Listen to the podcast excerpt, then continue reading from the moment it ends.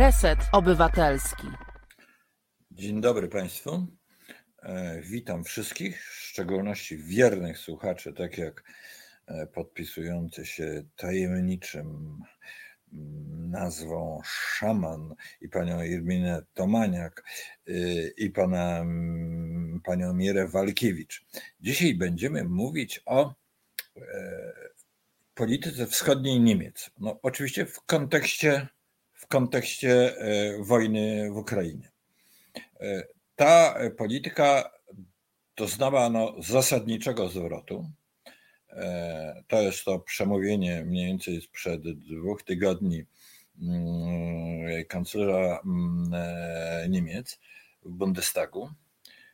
Pytanie jest, na ile to, ta zmiana jest głęboka, ale też w Polsce i w Niemczech pojawiła się krytyka wstecz tej polityki Niemiec jako wysoce błędnej. Niektóre mm, e, e, komentarze prasy niemieckiej są bardzo krytyczne. E, uważa się ten cały Nord Stream za jakiś wielki polityczny błąd polityki niemieckiej. Ta krytyka była przedtem, ale dzisiaj jest bardzo radykalna i właściwie wszyscy przyznają jej rację. No ale jednocześnie jest pytanie, czy ten zwrot niemiecki E, jest e, dostateczny. Na ile to są słowa, choć z całą pewnością nie, jest to, nie są to tylko słowa, to jest podwyższenie e, budżetu militarnego Niemiec do tych 2%. W tym roku mm, dodanie do tego 100 miliardów, określmy te sumy, ich proporcje. Polski budżet E, na sprawy obronne to jest 16 miliardów. Niemiecki budżet, te 2% to jest 90 miliardów. Nawet przedtem już ten budżet niemiecki wynosił około 50 miliardów, więc kilkakrotnie więcej niż polski, no ale Niemcy mają oczywiście odpowiednio większą gospodarkę. Ale te sprawy również doty, te sprawy niemieckie dotyczą, dotykają spraw polskich. Mianowicie e, w Polsce pojawia się też taka krytyka Niemiec jacy ci Niemcy są okropni.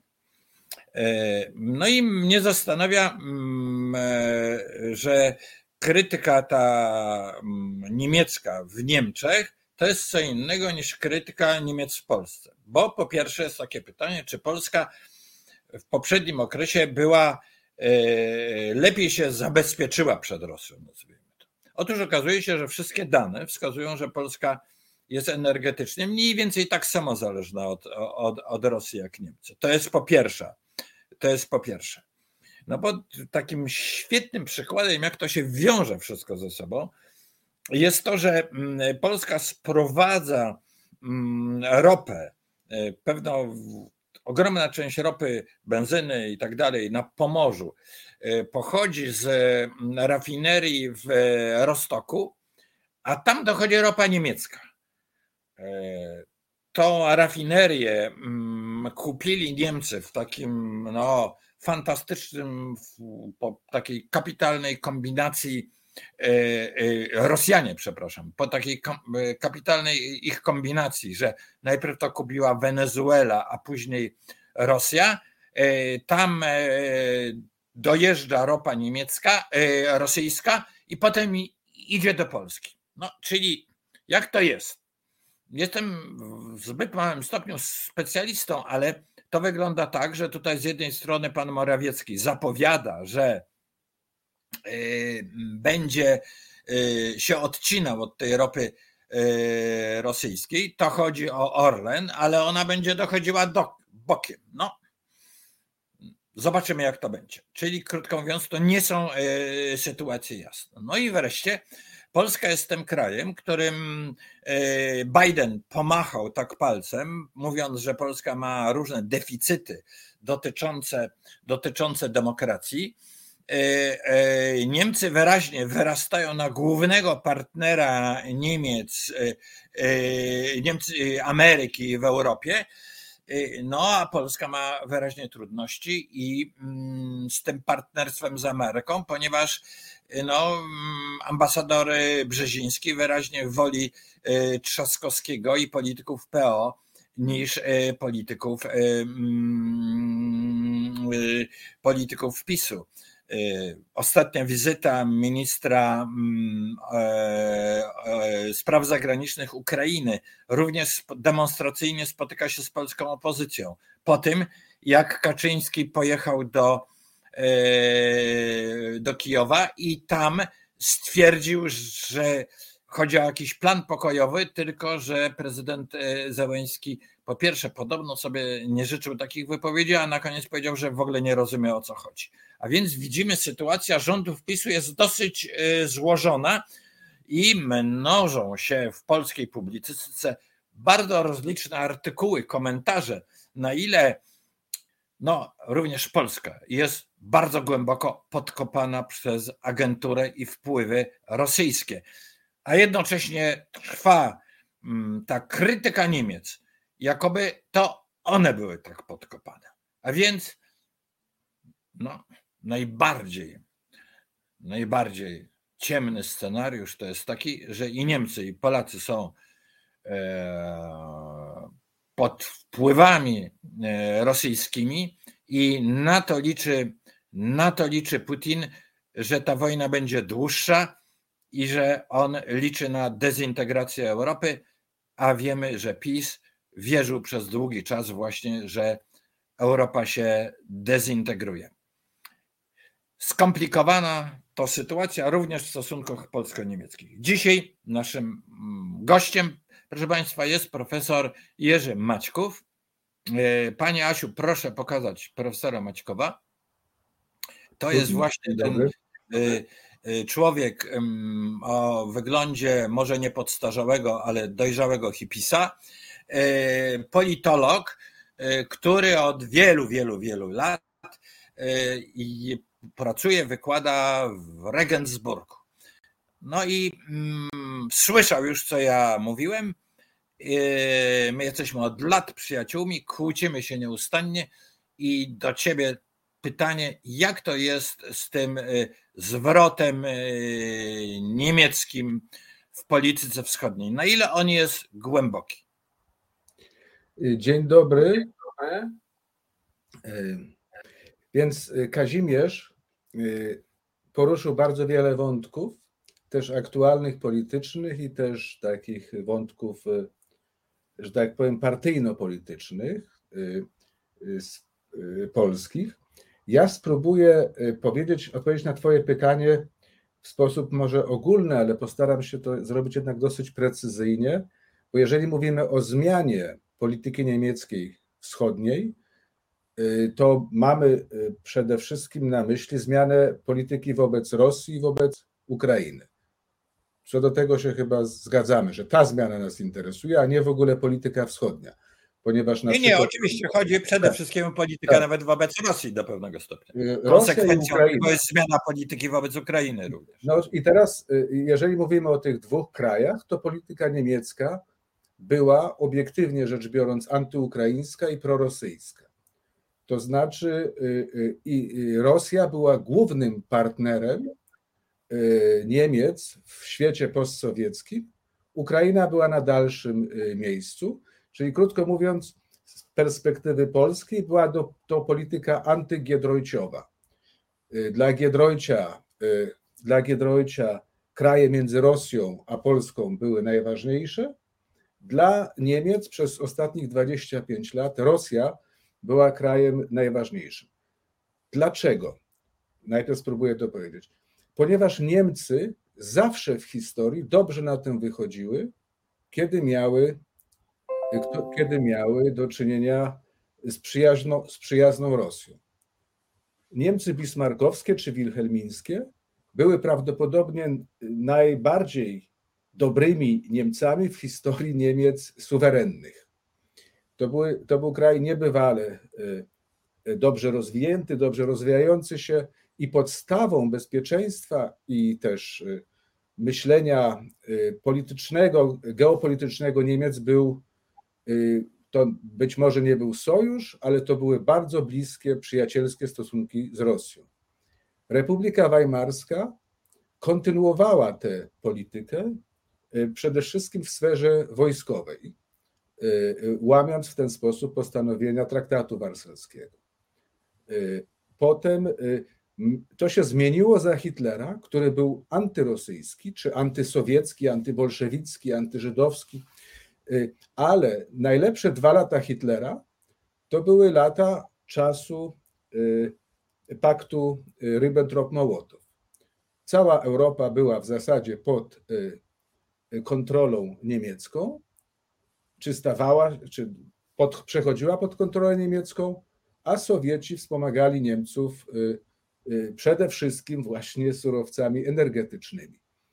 Wyjście, znaczy napad Hitlera na Związek Sowiecki spowodował zakończenie tej fazy. Potem przyszła po II wojnie światowej, po klęsce Niemiec, która wynikła Y, z perspektywy niemieckiej, między innymi z tego, że Hitler napadł na Związek Sowiecki. Nie wiadomo, jakby się wojna potoczyła, gdyby, tam, gdyby y, jakby się wszystko potoczyło, gdyby Hitler nie zaatakował Związku, y, gdyby nie, on nie zerwał z tą tradycją bismarkowską. Potem Niemcy wpadły zachodnie pod protektorat amerykański i do 90 roku były krajem niesuwerennym i podzielonym.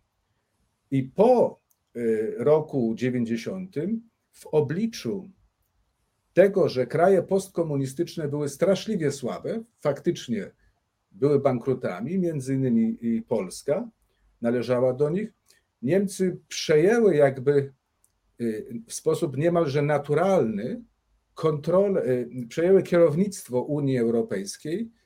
To było potwierdzone jeszcze słabnięciem stałym Francji a to, to, to, potencjał niemiecki jest po prostu wyższy z 80 milionami ludzi niż potencjał Francji. I e, e, prowadziły politykę wobec Rosji tak, jakby nie było Unii Europejskiej, to znaczy jakby interes niemiecki i rosyjski był tym samym interesem. Rosji nie wpuszczali całkiem do Europy, do Unii Europejskiej, ale otwierali drzwi. Za to Rosjanie otwierali drzwi na swój y, y, rynek, sprzedając też y, surowce po obniżonej cenie. Ja uważam, że jest mniej ważne to, co Morawiecki coś robi czy nie, w tym kontekście tej polityki rosyjskiej Niemiec. Ważniejsze jest to, że Polska płaciła za tysiąc metrów sześciennych gazu 400 ileś tam dolarów, a Niemcy 200 dolarów. To znaczy, to jest jakby taką, takim indykatorem y, tych szczególnych stosunków niemiecko-rosyjskich. Tak na marginesie, jak Rosjanie podniesie, podnieśli Ukrainie z dnia na dzień cenę gazu gdzieś tam w 2006 czy którymś roku, to już było po, y, po drugim Majdanie, to podnieśli, po pierwszym Majdanie, to podnieśli z, ze 100 dolarów do 400, czyli do polskiej ceny. Jak, do, jak dla kraju wrogiego, że tak powiem.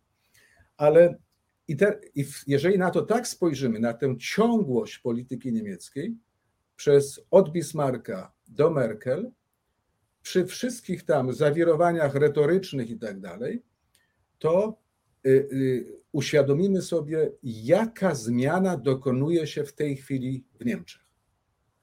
To znaczy, że ta cała gospodarka, na przykład, nastawiona przez ostatnich 25 lat na energię z Rosji, y, ona się musi przestawić.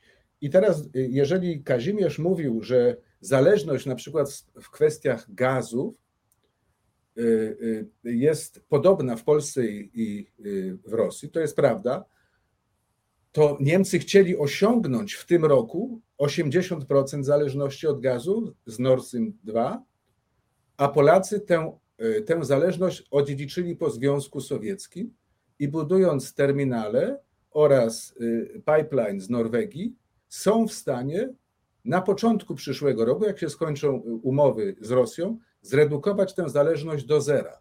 Czyli można powiedzieć, że w tym momencie, w którym Polska zaczęła uprawiać y, samodzielną politykę energetyczną, bo jej wcześniej na to nie było stać. Czyli gdzieś w latach 2000, to Polska w ciągu powiedzmy 20 lat osiągnęła y, stan odwrotny do stanu niemieckiego, czyli w 2023 roku Polacy nie będą potrzebowali gazu z Rosji w ogóle, a Niemcy do 2022 roku robili wszystko, żeby uzależnić się od gazu. No i teraz właśnie rosyjskiego, prawie, znaczy w tym stopniu, y, że tak powiem, postsowieckim, natychmiast postsowieckim. To pokazuje skalę zmian, których Niemcy, o których Niemcy deklarują, że chcą je osiągnąć. Ropa i węgiel są mniej ważne, ponieważ ropa i węgiel są na rynkach dostępne zawsze bez problemów i, i ropę i węgiel kupuje się z, z, zwykle od tego, który to daje najtaniej. Ale gaz wymaga albo pipeline, albo rur, które trzeba zbudować i to trwa lata, i wtedy się podpisuje umowy na, na, na, na, na 5-10 lat, y, y, a nie na, y, w Rotterdamie w ciągu tam paru dni. Już nie mówię o węglu, to też można raz wziąć więcej albo mniej, albo trzeba mieć terminale. I Niemcy chcą zbudować, znaczy już tak mówią, że podjęli decyzję oficjalnie o zbudowaniu terminali. To musi trwać 2 do 3 lat. Czyli ta zmiana energetyczna niemiecka, terminale do, do, dają możliwość handlowania e, gazem tak jak ropą. Że jedziemy do Kataru czy do Ameryki, kupujemy skroplony gaz i, i jesteśmy niezależni od tych wszystkich e, rur. Niemcy się od tych rur chcą uniezależnić i nie są w stanie tego zrobić w ciągu w krótkim czasie. Wczoraj była decyzja ministra gospodarki Niemiec, że włączył pierwszy, takie, takie pierwsze stopień zagrożenia energetycznego. Są trzy stopnie. Przy trzecim stopniu zagrożenia energetycznego y, rząd przejmuje kontrolę nad zasobami energii i rozdziela tę energię, czyli wyłącza pewne gałęzie przemysłu y, y, z działania. I od wczoraj wydaje mi się, że ta zmiana jest rzeczywista, ponieważ takich kroków i ponieważ y, y, jest już też zapowiedziane, że, na, że najgorszym rokiem, najgorszą zimą będzie następna zima. Y, to znaczy, już jest społeczeństwo na to przygotowywane, ponieważ aktualny kanclerz Niemiec, jako minister finansów w rządzie Angeli Merkel, jest współodpowiedzialny za to, że niemieckie rezerwy gazu stanowią tylko 25% normalnych rezerw. To znaczy, ten człowiek, który teraz dokonuje tej zmiany, nie zabezpieczył Niemiec przed y, taką polityką, która w tej chwili y, jest, y, znaczy powiedzmy, nie przygotował Rosji, Niemiec na kryzys w stosunkach z Rosją. I jako, że jeszcze w Niemczech jest dokonywana zmiana energetyczna w ogóle, to znaczy wszyscy wiemy, że jest taka takie wyobrażenie, że można energię stwarzać nie, nie naruszając y, ani klimatu, ani y, w ogóle świata biologicznego. Znaczy, że to energia będzie z niczego. To znaczy, że, że, y, że neutralność klimatyczna, tak to się nazywa. Niemcy są przekonane o tym, że neutralność klimatyczna istnieje i dlatego zwłaszcza w tym rządzie i z tym minister, ministrem gospodarki, Habekiem i wicekanclerzem jednocześnie, y, bardzo poważnie traktują swój program tam, w ciągu 30 lat przejścia do takiego wytwarzania energii y, w sposób nieniszczący y, przyrody. Niezależnie od tego, czy ten projekt jest rozsądny, czy nie, to to jest jeszcze jeden z dowodów na to, że ta zmiana się rzeczywiście dokonuje, ponieważ Niemcy potrzebują gazu w ramach swoich projektów na ten okres przejściowy 30 lat, zanim y, y, rozwiną no, ale, te inne technologie. Tak, także tylko jeżeli, ostatnie jeżeli pozwolisz, że ci się wtrącę, żeby się rozwinął, a mianowicie do tej zmiany w tej chwili należy również to, że stawia się nie tylko na tą długotrwałą zmianę i nastawienia na e, odnawialne źródła energii, ale zaczęto powracać do idei, czy też do energetyki jądrowej, z którą Niemcy się chciały pożegnać, a teraz się przepraszają. No to jest, ale to zaczął od tego jeden z największych propucinowców niemieckich, to znaczy Markus Söder z partii CSU, czyli z, z socjalnych demokratów bawarskich. Y, to jest partia rzeczywiście stojąca na czele y, niemieckich propucinowców i y, te, Bawaria zresztą najwięcej gazu chyba ze wszystkich landów proporcjonalnie do wielkości przyjmuje z Rosji. I to jest, w tym sensie jest to bardzo znamienne, że właśnie ten polityk jako pierwszy wrzucił pomysł, żeby nie, wy, nie wyłączać energii atomowej, y, y, to znaczy, żeby y, jeszcze one dwa lata mogły pracować. Więc tutaj to zostało podchwycone, ale nie szeroko, ponieważ zieloni, którzy są w rządzie, no zasadniczo mają z tym kolosalne kłopoty, ponieważ oni uważają, że energia atomowa jest szkodliwa dla środowiska.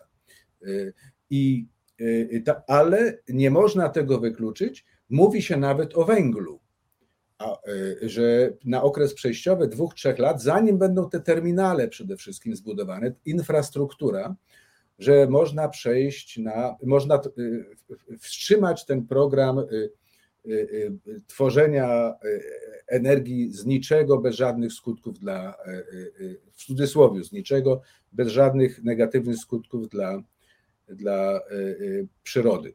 Więc to, to jest prawda. To świadczy o tym, co wspomniałeś, to świadczy właśnie o tym, że jest to zmiana prawdopodobnie rzeczywista, ponieważ ja do tej pory na przykład nie usłyszałem nigdzie żadnej wypowiedzi oficjalnej, że nie będzie wznowiony projekt Nord Stream 2. I to mnie, y, to usta, usta, usta, ustawiło mnie bardzo sceptycznie do tej nowej polityki energetycznej Niemiec, ale to, co się właśnie wczoraj stało z tym, z tym y, zapowiedzeniem pierwszego tego ostrzeżenia energetycznego i to, co właśnie się mówi o energii atomowej i nawet o węglu, wskazywałoby na to, że nawet po wojnie ewentualnie ten y, y, Nord Stream 2 y, nie zostanie wznowiony. Mimo wszystko nie wolno zapominać o ogromnych siłach takiej no, inercyjnych. Cała gospodarka, setki firm, tysiące firm żyją z Rosji.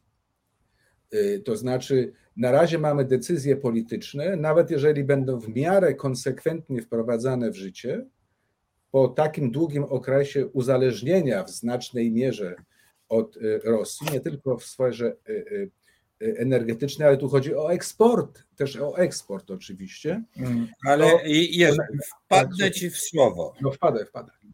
Najpierw w takim punkcie, że mm, mówisz o tysiącach firm i tak dalej. To wszystko prawda, tylko że wymiana handlowa polsko-niemiecka jest ponad dwa razy większa od e, rosyjsko-niemieckiej. W związku z czym może tysiące firm, ale mm, y, to nie jest, że tak powiem, jakiś taki ogromny wolumen. Pierwsza rzecz.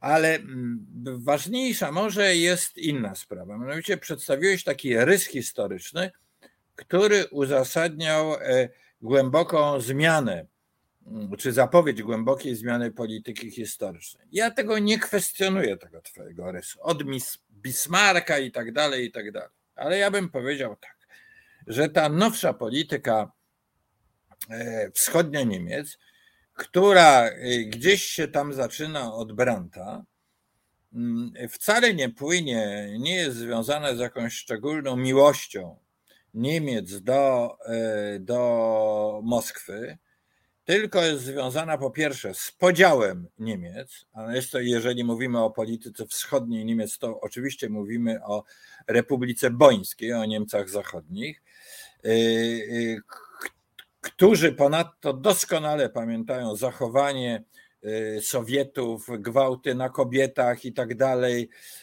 no, brutalność mm, wobec jeńców. Wszystko to Niemcy pamiętali i pamiętają tylko, ponieważ byli winnymi II wojny światowej, to nigdy nie było wypowiadane. I teraz y, Brand wraz z w ogóle tą y, jak gdyby no, pewną liberalizacją stosunków międzynarodowych wpada na pomysł, zresztą na spółkę z Kennedym i tak dalej, że poprzez handel można ucywilizować w jakimś zakresie Rosję. Tym narzędziem w pierwszym okresie jest rura. E, mm, Rosja posiada ropę, nie posiada możliwości technologicznych budowy rurociągów.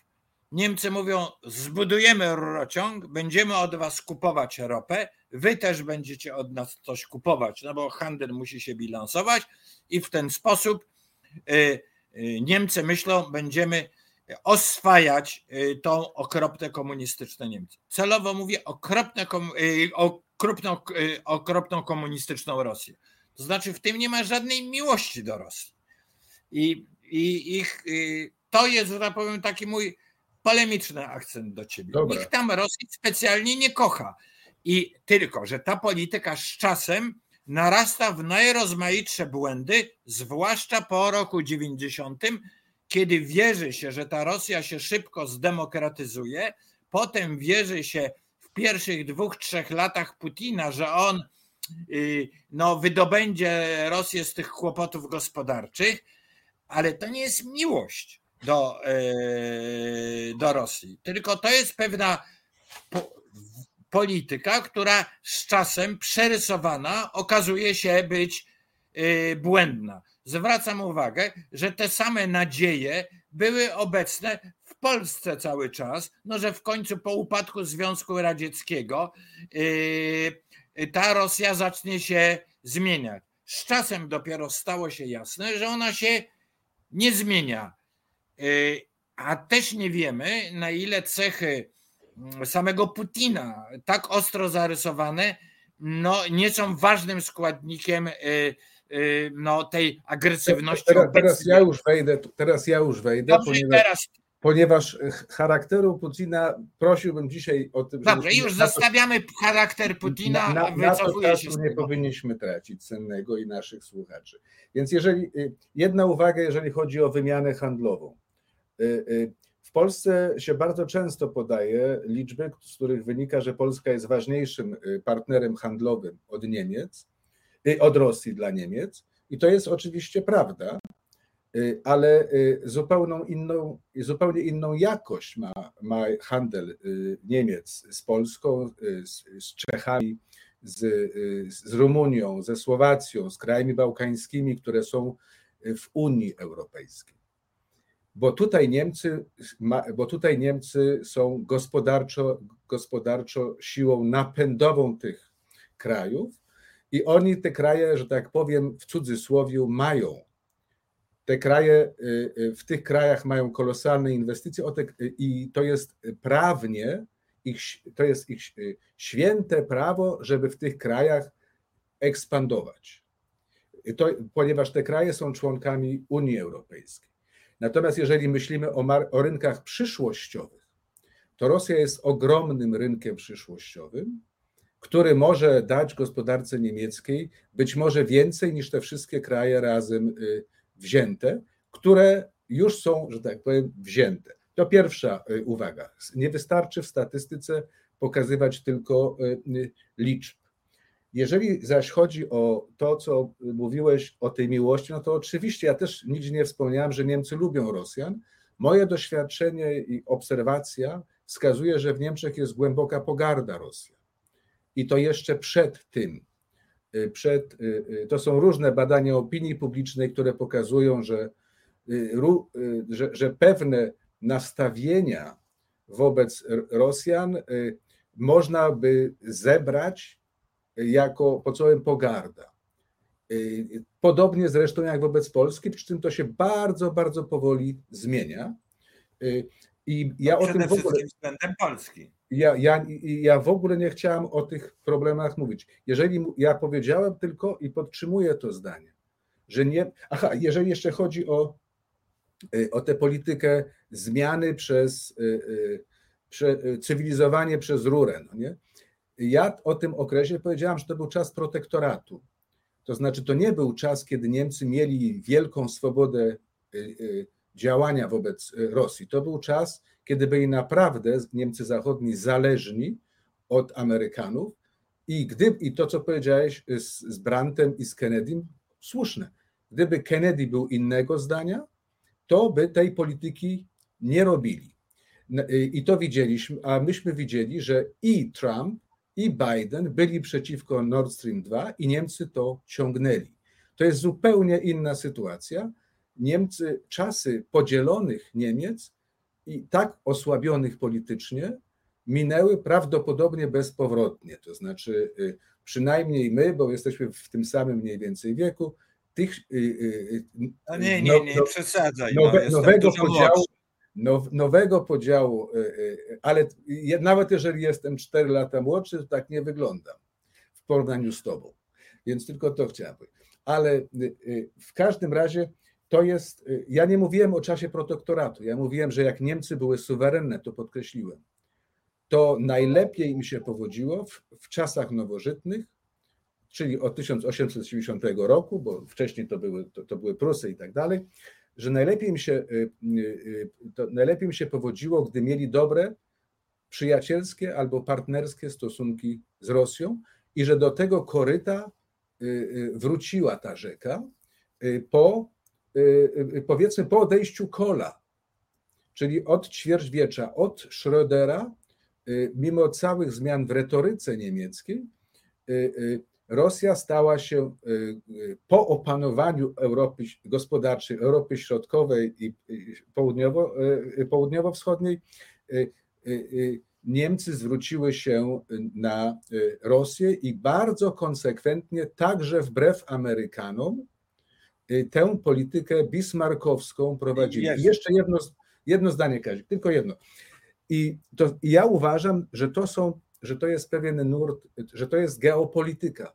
Niemcy nie są temu winni, że są dwa razy więksi od Polski, że, są, że mają większy potencjał od Francji, że mają e, większy potencjał od Włoch, że Anglicy odeszli y, z Unii y, Europejskiej siłą rzeczy, że Belgowie, Holendrzy i tak dalej nigdy nie chcieli współkierować nawet Unią Europejską czy Europą i że, tych, i że w Europie nie tylko Niemcy, ale żadne mocarstwo nie jest w stanie samodzielnie panować nad Europą.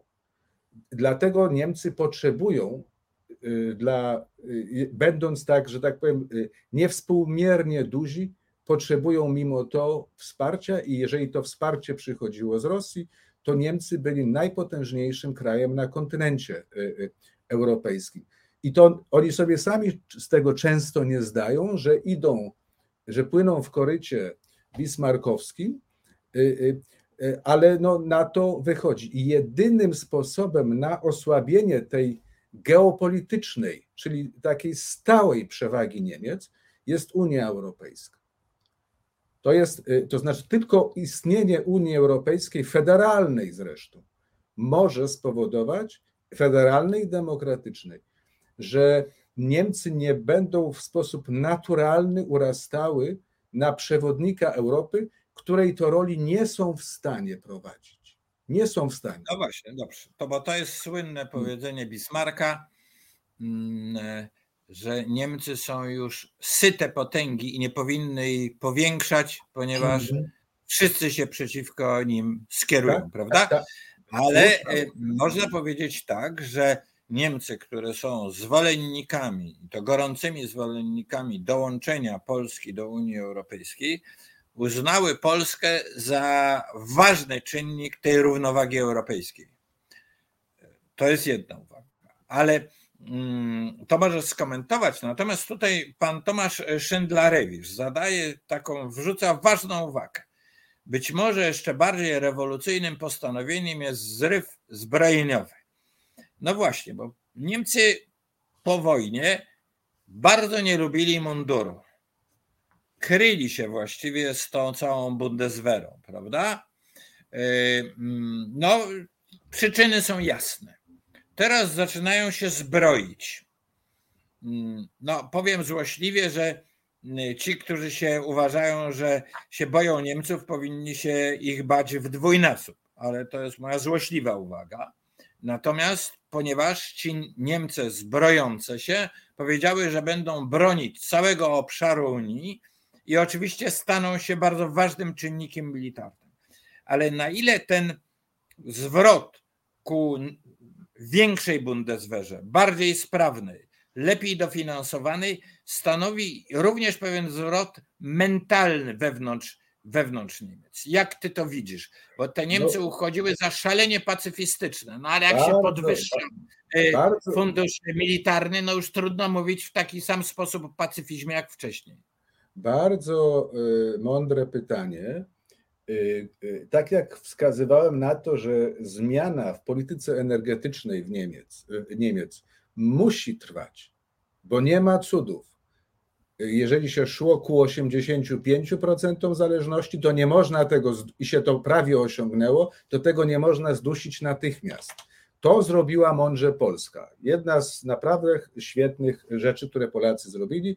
Trwało to 30 lat, ale się udało do tego stanu doprowadzić, że w przyszłym roku można zdecydować, czy się nie kupi od Rosji gazu za bardzo małe pieniądze 10%, 20%. To jest znakomita rzecz. Ale y, y, teraz podobnie jest z tą mentalnością. Y, tutaj trzeba być oczywiście sceptycznym, ponieważ to, co ty nazwałeś pacyfizmem niemieckim, to rzeczywiście jest, to, to jest zjawisko, które weszło wręcz do tożsamości Niemiec, co zresztą doprowadziło do tego wybitnie nierozsądnego ekonomizmu w myśleniu, że w polityce zagranicznej szczególnie liczy się tylko siła ekonomiczna. To jest ślepota, y, która się teraz też pokazuje, y, bo ta, y, jej skutki się pokazują.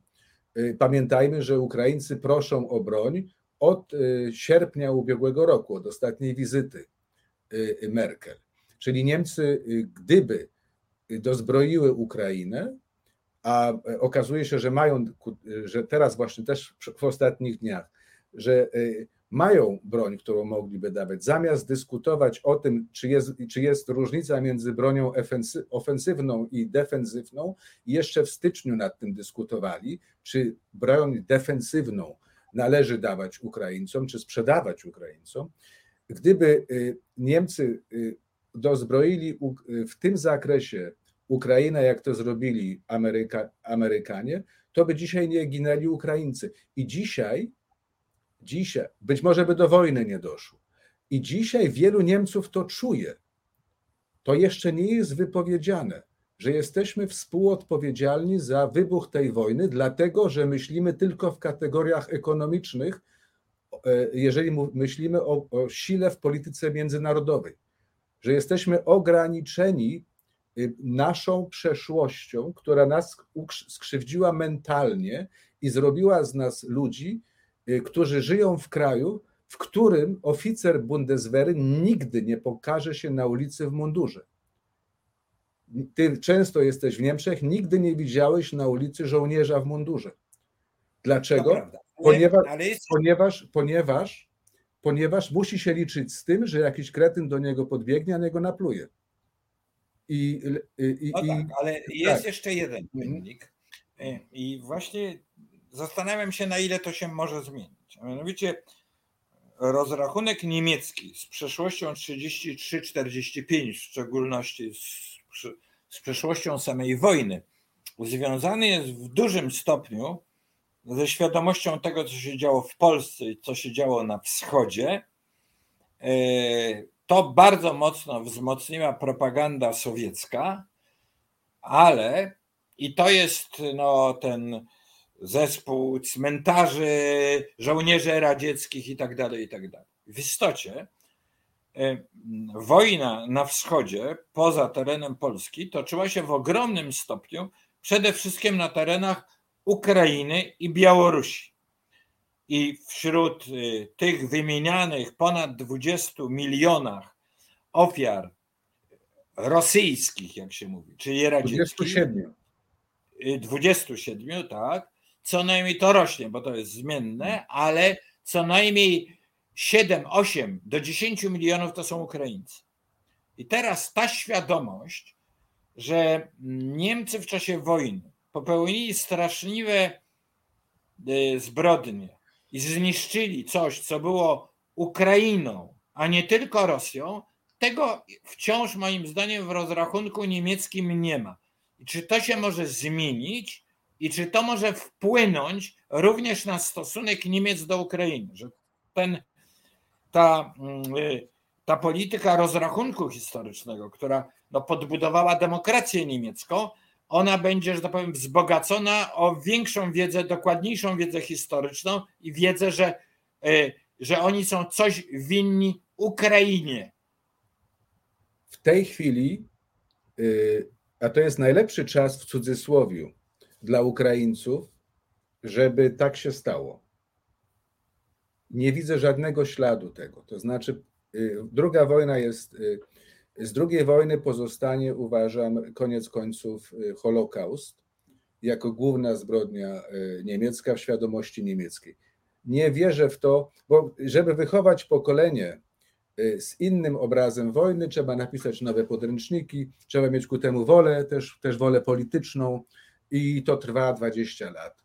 Czyli y, y, krótko mówiąc, 100 lat mniej więcej po wojnie nastąpiłaby ta świadomość, zaistniałaby ta świadomość niemiecka, że zamordowali 3 miliony więźniów sowieckich, zamykając ich za płotem i wygładzając w parę miesięcy co jest, y, co jest zbrodnią niewiarygodną, w ogóle w Niemczech nieznaną i nienauczaną. To jest, y, czyli y, moja odpowiedź jest raczej nie, bo to przede wszystkim dlatego, że to jest, musiała być polityka długofalowa. Tego nie wystarczy skutek nastrojów, które wynikają z tego, że dzisiaj są zabijani Ukraińcy, zmienić. Ale ja chciałem jeszcze jedną uwagę, może, bo widzę, że, bo nasz czas się kończy, naprawdę maksymalnie trzy minuty. Y, y, może troszkę o Polsce i o Niemczech. Coś bardzo chciałem powiedzieć, bo Polska jest jedynym krajem y, wśród tych nowych członków Unii Europejskiej, który miał potencjał wpływania na niemiecką politykę wschodnią. I Polska jest krajem, mimo że się rozwija przyzwoicie gospodarczo, nie tak fantastycznie jak to mówią ci, którzy zawsze w Polsce rządzą. Przyzwoicie w porównaniu z innymi krajami, naprawdę jest to dobry rozwój, ale mimo, że się rozwija przyzwoicie gospodarczo, jest bardzo słabym krajem politycznie. Doktor Wójcicki zniknął. nie, nie wiem dlaczego. Panie Asiu, dlaczego ja zniknąłem? No po prostu tak mnie przebijał urodą, że pani Asia chciała to jakoś wyrównać. Nie mam niestety na to wpływu, musiał pan albo wyłączyć kamerę, albo czymś zasłonić kamerę, ale jest pan dalej w audycji. Pozdrawiam. Dobrze, jak, jak słyszysz, nie, Polska jest jedynym krajem, która miała, którym, która miała i ma rzeczywisty, mogłaby mieć rzeczywisty wpływ na politykę wschodnią Niemiec. Polska, mimo swojego dobrego rozwoju gospodarczego, jest krajem, który jest krajem politycznie bardzo słabym. Na arenie międzynarodowej Polska jest dużo poniżej swego aktualnego stanu gospodarczego, poniżej swojej umiarkowanej siły wojskowej i poniżej swego potencjału. I to się wiąże jednoznacznie z tym, że Polacy sami osłabiają swój kraj, dzieląc go w sposób y, zupełnie nierozsądny. Polacy potwierdzają y, y, słuszność Adolfa, nie Adolfa, Aleksandra Bocheńskiego, który po wojnie napisał książkę Dzieje głupoty polityczne, Dzieje głupoty w Polsce, czyli Dzieje głupoty politycznej w Polsce. Gdyby w Polsce była, był konsensus dotyczący zupełnie podstawowych spraw, Polska miałaby wpływ na politykę niemiecką. Z perspektywy niemieckiej w ogóle się nie opłaca walczyć o Polaków, ponieważ Polacy są albo nierozsądnie zapatrzeni w Niemców, nie patrząc na to, że Niemcy mają prawo mieć własne interesy, które nie zgadzają się z interesami Polski, albo mają Polaków, którzy uważają, że Niemcy są siłą rzeczy wrogami Polski. I dopóki te dwa obozy walczą ciągle o władzę i różnica między nimi jest niewielka, to Niemcy mogą się opierać na, na mogą opierać swoją politykę na, e, na przedstawicielach jednego z tych obozów. I to osłabienie Polski odczuwa dzisiaj również Ukraina. Polska wcale nie jest wśród rozgrywających w czasie tej wojny, tak samo jak nie była w 2014 roku, kiedy obóz, że tak powiem, proniemiecki został wykolegowany przez, przez Niemcy i Francję z z, z rokowań o, zakoń, o zakończeniu wojny na Ukrainie. Krótko mówiąc, podział wewnętrzny Polski, to znaczy ta plemienność, y, osłabia znaczenie Polski na arenie międzynarodowej i też w stosunkach z Niemcami, ze bardzo smutnymi konsekwencjami dla Polski i dla Ukrainy. E, nie wiem, czy mnie słychać. Nawet dobrze. Mnie nie widać, ale chciałem. E, chciałem oczywiście e, e, ta sytuacja w stosunkach polsko-niemieckich. No i mm, powinniśmy być tego świadomi, ponieważ z urasta ogromnie rola Ukrainy w stosunkach międzynarodowych, to jest jasne, że odbudowa Ukrainy stanie się jednym z centralnych problemów w ogóle po zakończeniu tej wojny, ale też urasta rola Niemiec. Y, to powinno być w Polsce bardzo poważnie y, przemyślane i powinniśmy polityce niemieckiej y, poświęcić więcej uwagi, ponieważ poza tymi procesami, które tutaj opisujemy, dokonuje się tam jeszcze jeden, jedna rzecz, a mianowicie zmiana generacyjna. Politycy, którzy obecnie dochodzą do władzy, to nie jest y, y, generacja mego przyjaciela Jerzego Maćkowa czy, czy moja, a więc generacja bezpośrednio powojenna, która przeżyła ten proces pojednania, ale to jest y, Y, generacja o wiele młodsza, która oczywiście do, do wojny musi mieć już inny stosunek. To jest już bardzo oddalone. Rozrachunek oczywiście z okresem 33-45 jest głęboko zakorzeniony w y, kulturę polityczną niemiecką, no ale oczywiście trzy generacje po to już musi przybierać nowy charakter. Jerzy, powiedz jeszcze bardzo krótko. Jak ty uważasz, jak będzie ta zmiana generacyjna wpływała? Czy można to już teraz określić? Można, można, ponieważ znaczy tutaj akurat jestem takim y, ekspertem z doświadczenia, to znaczy ja mam do czynienia z młodymi ludźmi na uniwersytecie, z dużą ludzią, y, z dużą, że tak powiem, masą tych studentów. Na, y, my wiemy, co się teraz stało z uniwersytetami w ciągu ostatnich parę dziesięciu lat, też w Polsce, to znaczy to są przewalają się masy i można je obserwować. Y, y, y, to jest pokolenie zasadniczo ahistoryczne.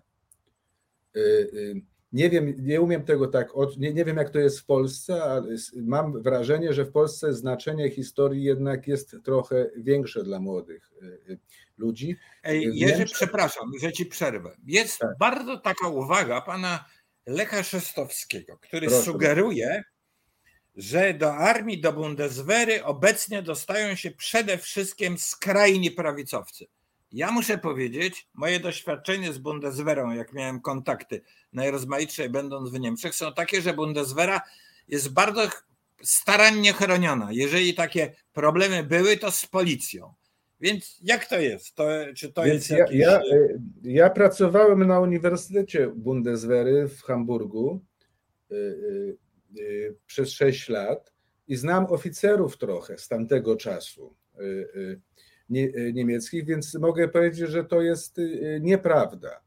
To jest nieprawda. Do Bundeswehry idzie się po to, żeby być, żeby mieć i to jest główna motywacja, żeby mieć y, y, socjalne zabezpieczenie i żeby można było wcześniej pójść na emeryturę. Y, I ja pamiętam dyskusję w 1999 roku, jak było, była się, jak NATO się decydowało, jak Niemcy musiały, miały wziąć udział w działaniach NATO out of area, to znaczy poza obszarem swojego kraju. I pamiętam dyskusję jedną, y, y, że oficer, bo to jest szkoła tylko dla oficerów Bundeswehry, ten, ten, ten Uniwersytet Bundeswehry, y, w którym cy, tylko cywile mają prawo nauczać. Tak, taki jest model. Pamiętam dyskusję, jak ci oficerowie zarzucali polity, politykom niemieckim, że gdy oni podpisywali kontrakt, że będą oficerami, że będą się kształcili na oficerów, to nie było mowy o tym, żeby oni musieli kiedykolwiek walczyć. Y, y, więc y, motywacja dla nich była rzeczywiście przede wszystkim materialna, żeby tam pójść. I czy to się da zmienić szybko, to znaczy, czy w Niemczech powstanie wyobrażenie o tym, że armia może być czymś pozytywnym, a nie tylko miejscem, w którym, jak Ursula von der Leyen mówiła, musi być więcej przedszkoli dla oficerów, to ja bardzo, ona była ministrem spraw, y, y, znaczy ministrem obrony narodowej, chyba najgorszym w historii y, Niemiec, to ona sprzedała Polakom wszystkie leopardy za chyba 100 milionów, mimo że one były warte kilka miliardów, bo doszła do wniosku, że armia nie potrzebuje czołgów, a dzisiaj te czołgi chcą kupować na nowo. To tak na marginesie. Ja za bardzo nie wierzę w to, że ta zmiana mentalna może dokonać się szybko. I tak na marginesie. No zaraz, zaraz, zaraz, tylko Ostat, pan, ostatnie zdanie. Ostatnie zdanie, Kazik. Ostatnie, jedyne zdanie. Ja uważam, że Polska powinna zaproponować Niemcom sojusz wojskowy. Bo tutaj Polska ma coś do, zaofar, do zaoferowania. Ludzi, którzy go, są gotowi być żołnierzami, i w ten sposób y, y, można byłoby stworzyć też coś ponadnarodowego, y, y gdzie, gdzie, gdzie Polska i Niemcy mogłyby być prawdziwymi partnerami. No, y, ta uwaga pana, pana Lecha Szecowskiego szła dalej, że tam wejdzie jakaś skrajna prawica. Mnie się wydaje, że y, ja też miałem kontakt z Uniwersytetem Bundeswehry, z Akademią Klausewica. Y, to jest co innego, ale to jest. No tak, to nie jest to samo, tak. Ale że mm, przenikanie elementu skrajnego jest niemal niemożliwe. To jest bardzo silnie e, kontrolowane. W policji może się to zdarzyć, natomiast nie może się zdarzyć w, mm, e, w moim zdaniem w Bundeswehrze, ale w ogóle ja bym powiedział przypisywanie, dopisywanie e, polityce, kulturze polityce niemieckiej jakiejś ogromnego zagrożenia skrajną prawicą. No, mm, jest to uzasadnione w niektórych regionach NRD, ale ogólnie jest po prostu przesadzone i moim zdaniem jest fobią antyniemiecką. Jest podobnym, że tak powiem, schematem, który podpowiada Moskwa, że Ukraińcy są faszystami. Więc yy, panie Leszku, ostrożnie z takimi yy, podejrzeniami. Proszę Państwa, przekroczyliśmy czas. Bardzo dziękuję mm, memu przyjacielowi Jerzemu za tą dyskusję. Ja również dziękuję. Graniczymy, mamy wojnę, ale Niemcy są, e, będą się stawali ważniejsi wskutek tych zmian politycznych i na Niemcy też powinniśmy, na stosunki polsko-niemieckie powinniśmy zwracać uwagę i więcej o tym dyskutować. Żegnam wszystkich i do następnego czwartku polecam gorąco nasze strony internetowe, zarówno profesora Maćkowa, jak i moją. Do zobaczenia. Do zobaczenia.